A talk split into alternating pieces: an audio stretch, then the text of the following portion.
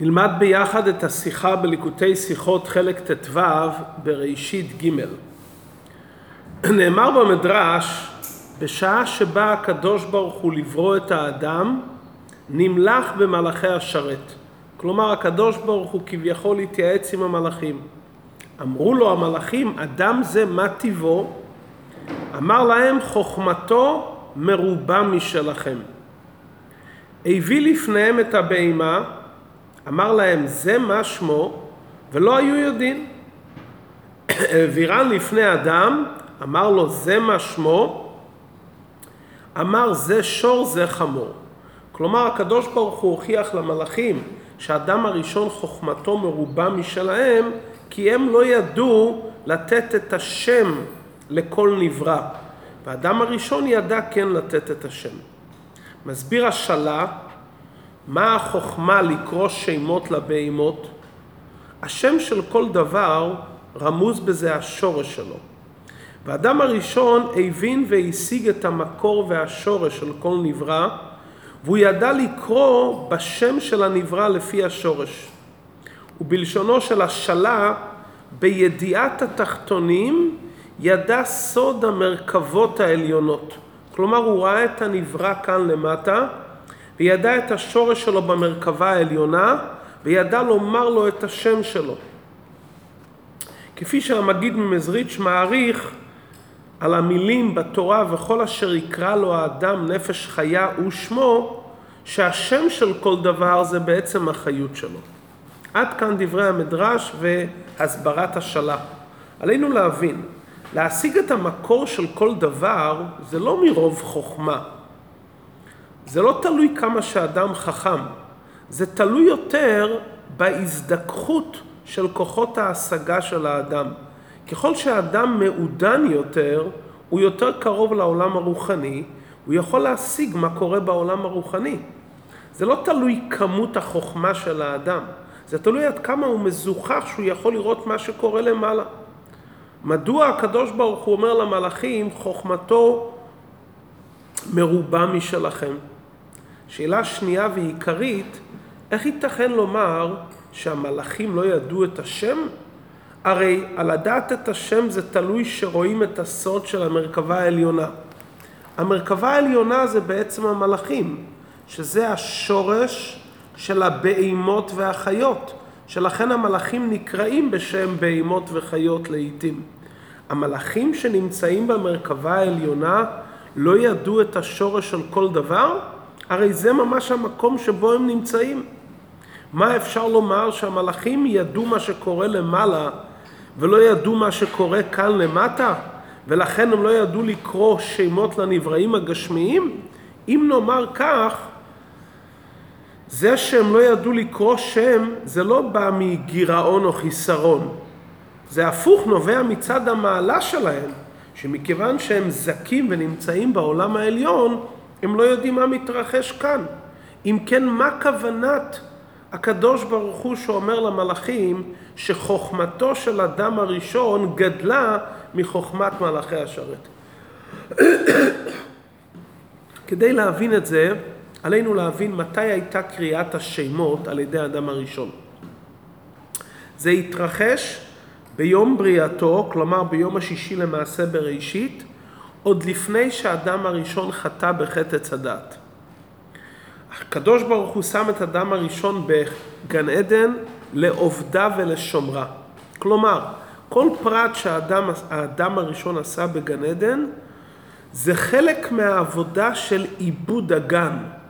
כלומר, יש כאן איזו עבודה רוחנית של קריאת השמות.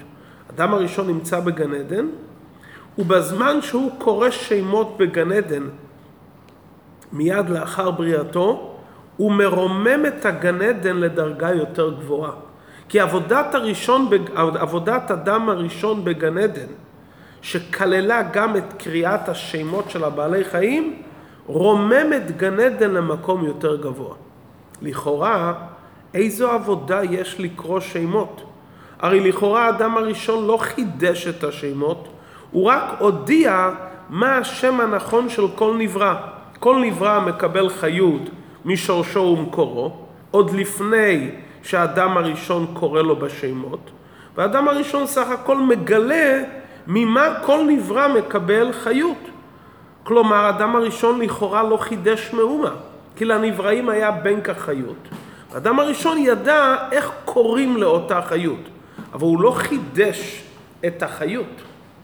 הכרחי לומר שזה שיודעים את השורש הנבראים בעולם העליון, זה עדיין לא מספיק כדי לקרוא להם בשמות. המלאכים ידעו את השורש והמקור למעלה, אבל הם לא ידעו לקרוא בשמות. כי קריאת שם זה לא ידיעת שורשו ומקורו למעלה, קריאת שם יש לה משמעות שונה ופנימית יותר מאשר עצם הידיעה מה שורש הנברא בעולם העליון. וזה ההבדל בין מלאכים לאדם הראשון.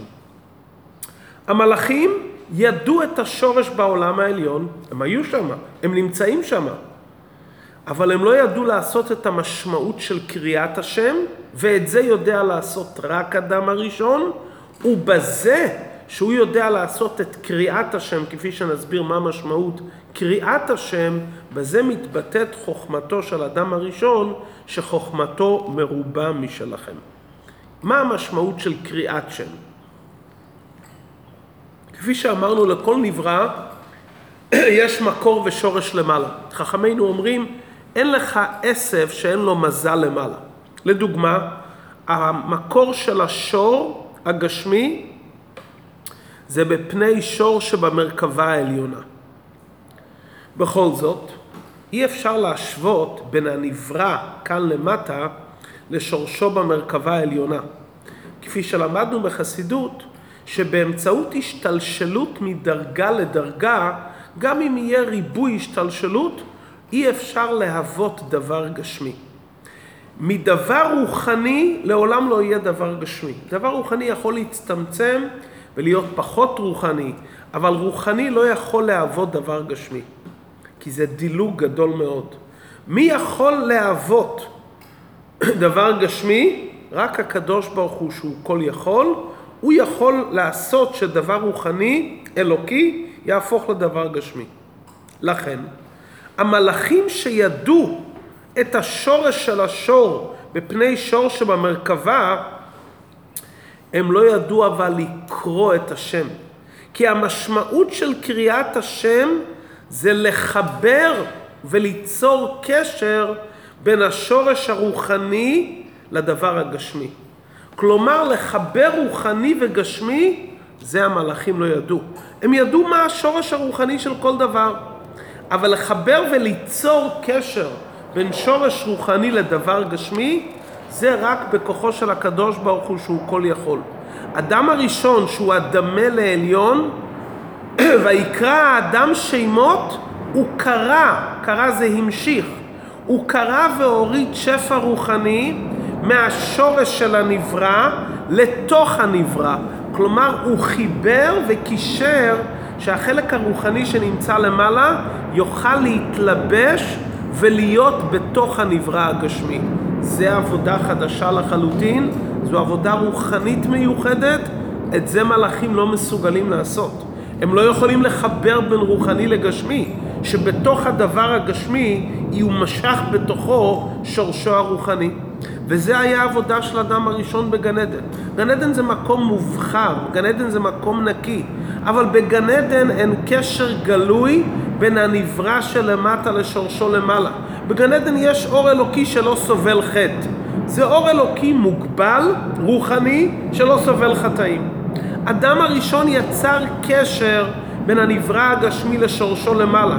לא רק שהוא יצר קשר, הוא גרם איחוד בין הנברא איכשהו למטה לשורשו למעלה. שכל אדם שיקרא לאותו נברא בשם מסוים יוכל להתחבר עם השורש הרוחני שלו למעלה. זה יכל רק אדם הראשון. מדוע? המלאכים שידעו את השורש של השור למעלה במרכבה העליונה לא היה בכוחם לחבר את השור לשורשו. וכפי שאנחנו רואים בסיפור מעשה בראשית, בסיום פרשת בראשית, מסופר על הנפילים שהיו בארץ. מי היו אותם נפילים? זה היו מלאכים שירדו לעולם הזה והתלבשו בגוף. מה קרה להם? הם נעשו נופלים. כי מלאך שיורד לתוך גוף, הוא לא יכול לסבול את הישות והחומריות של העולם. כי מלאך לא יכול להיות בתוך העולם ולהיות קשור לאלוקות.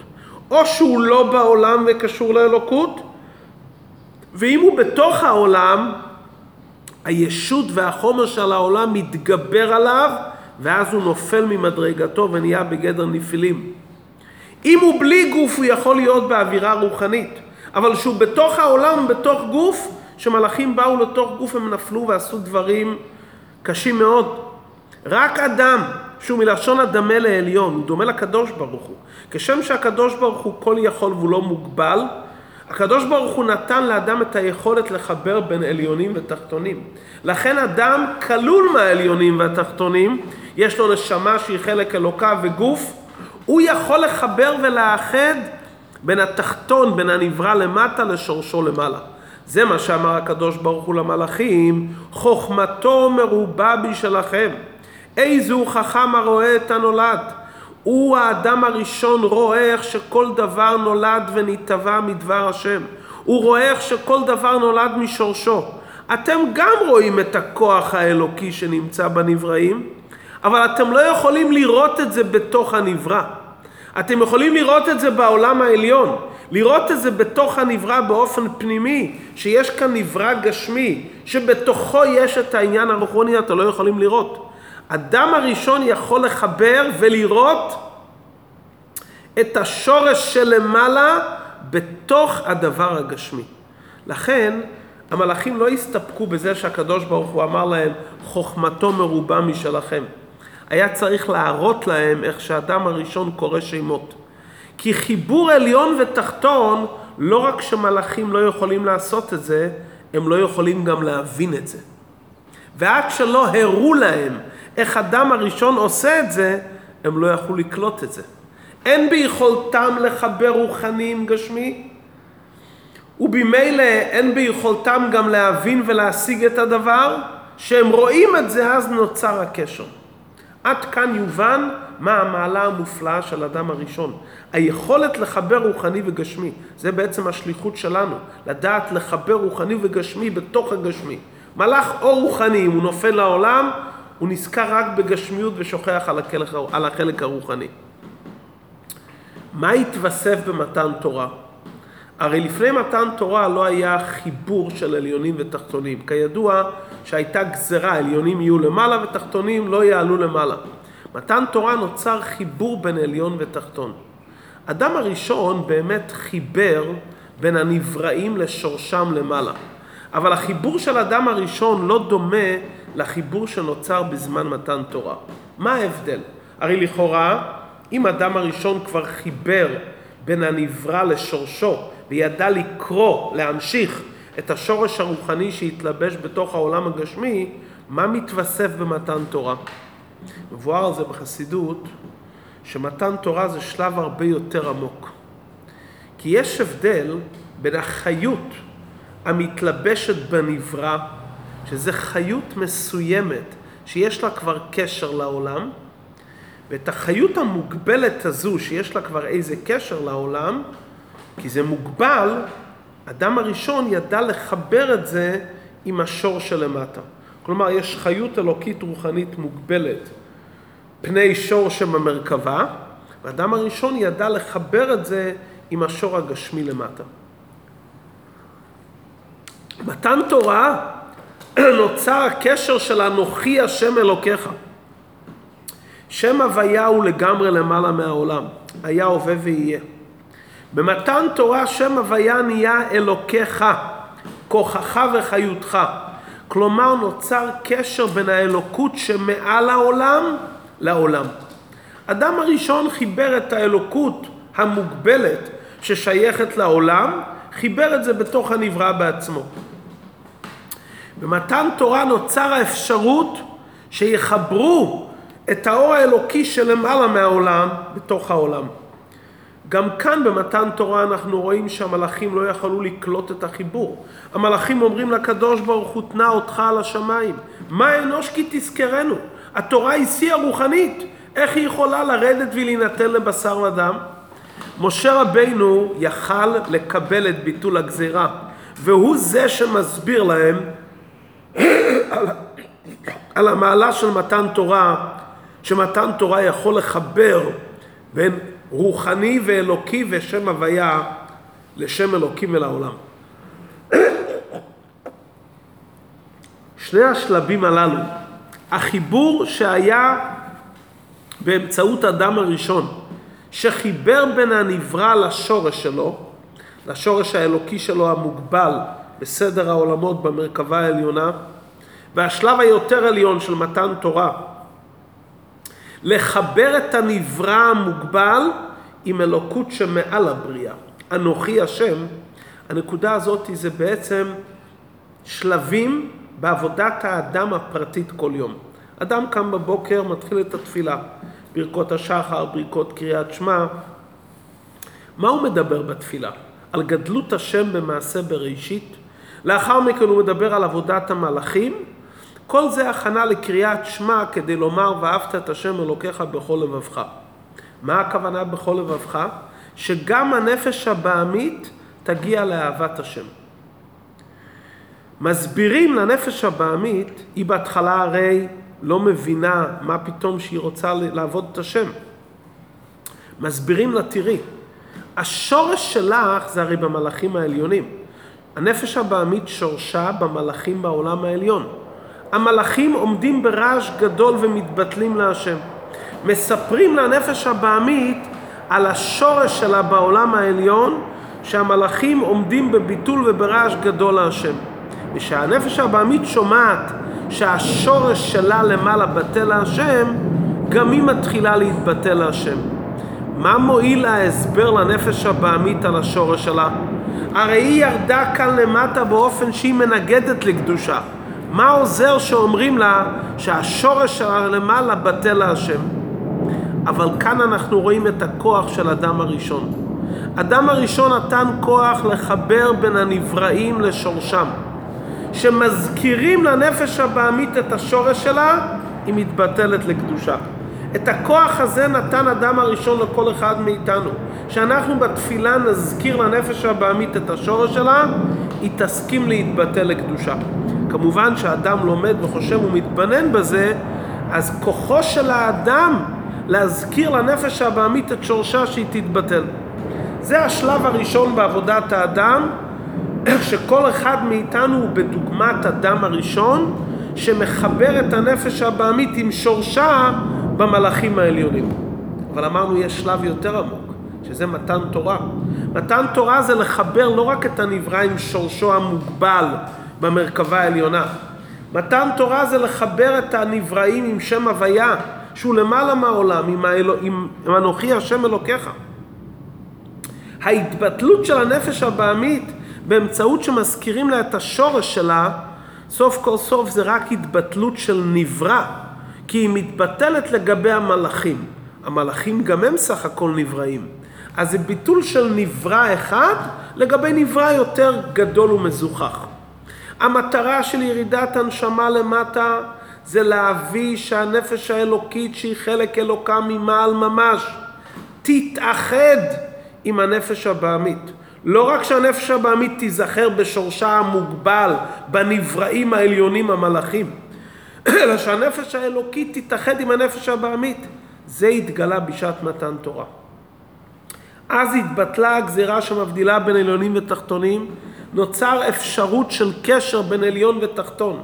זה נותן כוח גם לעולם הקטן, לאדם, לחבר ולאחד את הנפש האלוקית והנפש הבעמית. שבעצם הנפש הבעמית תרצה לעשות לא רק את מה שהמלאכים רוצים, אלא שהנפש הבעמית תרצה לעשות את מה שהנפש האלוקית רוצה. שהיא חלק אלוקה ממעל ממש הרבה יותר גבוה מהמלאכים שלמעלה. את הכוח הזה קיבלנו בשעת מתן תורה. שנפש הבעמית תהיה בהתאחדות מוחלטת עם הנפש האלוקית. כמו שלמדנו בחסידות, שהרעבון של הגוף ללחם גשמי נובע בעצם מהרעבון של הנשמה לניצוץ האלוקי. כלומר, גם עניינים גשמיים שקשורים עם הגוף ונפש הבעמית, בפנימיות הם קשורים עם הרעב של הנשמה. צריך לגלות את זה, אבל זה הכוח של האדם. במתן תורה הוא קיבל כוח שענייניו הגשמיים, איך שהם כאן למטה, הרעב הטבעי שלו יהיה באמת ביטוי לרעבון האמיתי של הנשמה, שהיא רוצה לאכול ורוצה לברך את השם, כי היא רוצה את הניצוץ האלוקי. זה כבר דרגה הרבה יותר גבוהה. זה לא רק ביטול לשורש הנפש הבעמית במלאכים העליונים, לשורשה המוגבל. זה כבר חיבור של הנפש הבעמית עם הנפש האלוקית, שהיא חלק אלוקה ממעל ממש. לאידך, ההתבטלות הזאתי, שנפש הבעמית מתבטלת ומתאחדת לנפש האלוקית, זה עדיין לא הבירור והזיכוך השלם. למה? כי אם הנפש האלוקית מתבטלת לנפש האלוקית לא מצד עצמה, אלא מצד הגילוי של הנפש האלוקית, אז זה עדיין לא ביטול ולא חיבור מלא. החיבור השלם, שהנפש הבעמית מצד הטבע שלה, תרצה להתחבר לנפש האלוקות. לא רק שהנפש האלוקית תגביה את הנפש הבעמית, אלא הנפש הבעמית מצידה תרצה להתאחד עם הנפש האלוקית. זה העומק של העניין של דירה בתחתונים. שהעולם הזה, התחתון והגשמי, מצד עצמו יהיה, ירצה להיות דירה להשם, לא מצד כוח אלוקי שמשפיע עליו מבחוץ, אלא שההתבטלות של העולם תהיה מצד העולם. זה המשמעות הפנימית של דירה בתחתונים. התחתון, העולם הזה הגשמי, רוצה להתאחד עם אלוקית. זה שתי המעלות יחדיו. גם עולם שבטל לאלוקות בתכלית, לא רק לאור האלוקי המוגבל, אלא להוויה ולאנוכי. דבר שני, שהביטול והאחדות באים מצד העולם.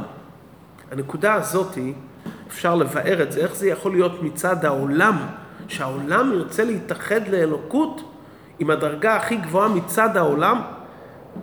הדברים יובנו על פי מה שלמדנו בחסידות, שהשורש של הדומם צומח חי זה בעולם התוהו מעל השורש של המדבר בעולם התיקון.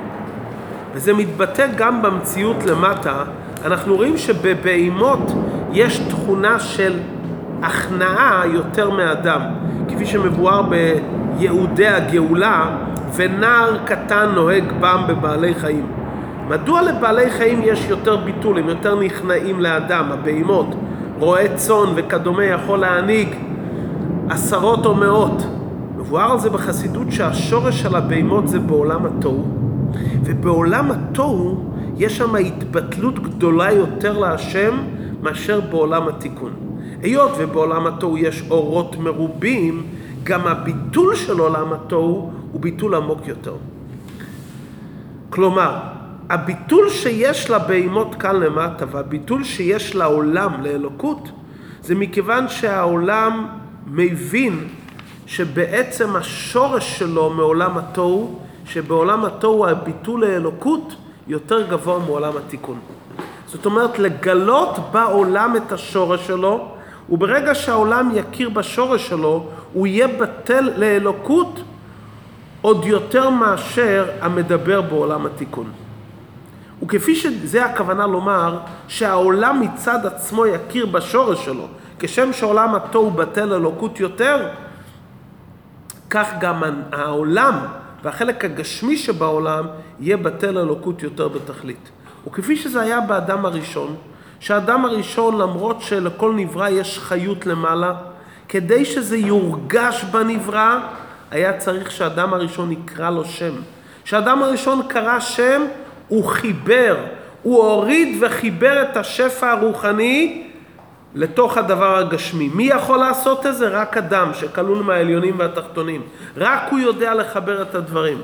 וכשהוא קרא שמות, הוא גילה איך הנברא הגשמי קשור לשורש שלו. שזה יורגש בתוך הדבר הגשמי.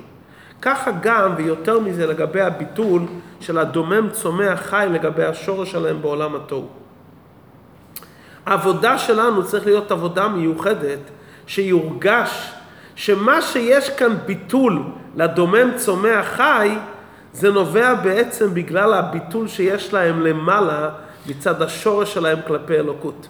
זאת אומרת, הביטול שלהם פה למטה בעצם נובע מצד הביטול של העולם התוהו, שזה השורש שלהם לאלוקות. זה העבודה של האדם לגלות את זה. לאחד את הדומם צומח חי עם השורש שלו, איך שזה קשור בתורה, עם השם, שהשם שלו זה החיות האלוקית למעלה, לחבר בין הדבר הגשמי עם השורש שלו בתורה. זה הסיבה שאנחנו רואים שהרבי מהרש מדבר באריכות במאמרים של המשך ראש השנה תרל"ב, מדבר באריכות על הביטול העצום שיש בעולם התוהו. הוא מסביר שגם העוצמה שקיימת שם, שבגלל זה נוצר שבירה בעולם התוהו, זה לא נבע מישות חס ושלום. זה נבע מהדבקות הגדולה שהיה בעולם התוהו לאינסוף יש האמיתי. כלומר, הם היו בכזה ביטול לאינסוף, הם לא יכלו להיות בבחינת השפעה. הביטול שלהם העצום לאור האלוקי גרם להם את העניין של השבירה. זאת אומרת, הם היו בביטול מוחלט, דבקות מוחלטת, שלכן הם לא יכלו להחזיק מעמד. הוא מקשר את זה עם זה שעולם התור מכונה בשם בהימה. המילים בהימה זה אותיות בה, מה. מה זה ביטול? אז עולם התור שנקרא בהימה, בה, מה, שם רואים ביטול. עולם התיקון זה אדם, אדם זה רק בגימטריה מה. כי עולם התוהו, שם רואים את הביטול היש האמיתי בגלוי. לא רק באופן של גימטריה, כמו בעולם התיקון, שאדם בגימטריה מה, אלא שם רואים את הביטול בעצם. איך זה יכול להיות? הרי בהמה כאן למטה זה בהמה כפשוטו. מזה אנחנו מבינים שהעניין של בא, מה, לא נמצא רק בעולם התוהו. זה נמצא גם אצל הבהמה למטה, שלכן לבהמות יש תכונה של הכנעה והתבטלות לאדם, מכיוון ששורשם בעולם התוהו, שבעולם התוהו באמת יש שם ביטול בה בעצם.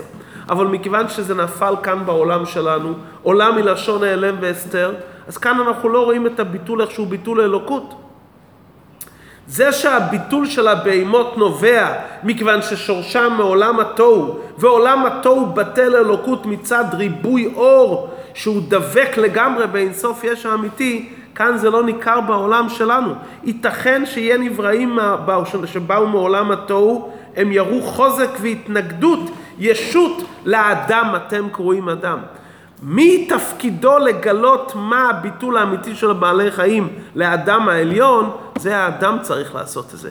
תורת החסידות שהיא מגלה את הדברים, מגלה לנו שהביטול הגדול של עולם התוהו קשור לשם בהימה. זה עוזר לנו לגלות את הפנימיות של השם בהימה. בהימה תגלה את השם שלה למעלה. השם שלה זה עולם התוהו, מה? כל העניינים הבעמיים, התוקף שלהם זה מצד תוקף שהם יותר קרובים ליש האמיתי. תכונת ההתבטלות בטבע של הבהמות נובע מההתבטלות כלפי השורש ביש האמיתי למעלה. ומכיוון שעוצמת השורש שלהם גורמת את עוצמת הביטול, לא ייתכן שבאמת הם יתנגדו לאדם. לא ייתכן שהנפש הבעמית תתנגד באמת לאדם, כי כל העוצמה שלה בעצם זה בבהמה של עולם התוהו, ששם יש ביטול אמיתי לאלוקות. אז התפקיד שלנו זה רק לגלות שבעצם הבהמה והנפש הבעמית וכל העולם יהיה באמת בהתבטלות גלויה ומוחלטת לאלוקות מצד הטבע שלו ששורשו בעולם התוהו ואז העולם משרת את עם ישראל ונעשה דירה לקדוש ברוך הוא. כלומר העבודה של היהודי לגלות בעצם מה הטבע האמיתי של הנפש הבעמית, מה הטבע האמיתי של הבהמה, מה הטבע של העולם הזה באמת. זה העבודה של האדם, לחבר את הדברים עכשיו למטה עם שורשם האמיתי והפנימי למעלה בעולם התוהו, ששם באמת זה נובע מהדביקות הגדולה באינסוף יש האמיתי, רק עולם הזה זה הלם והסתר, והתפקיד שלנו לגלות את התכונה הזאת מצד היש הגשמי ששורשו ביש האמיתי, שאז זה יהיה בזמן הגאולה שהעולם הגשמי יהפוך דירה למהותו ועצמותו של הקדוש ברוך הוא.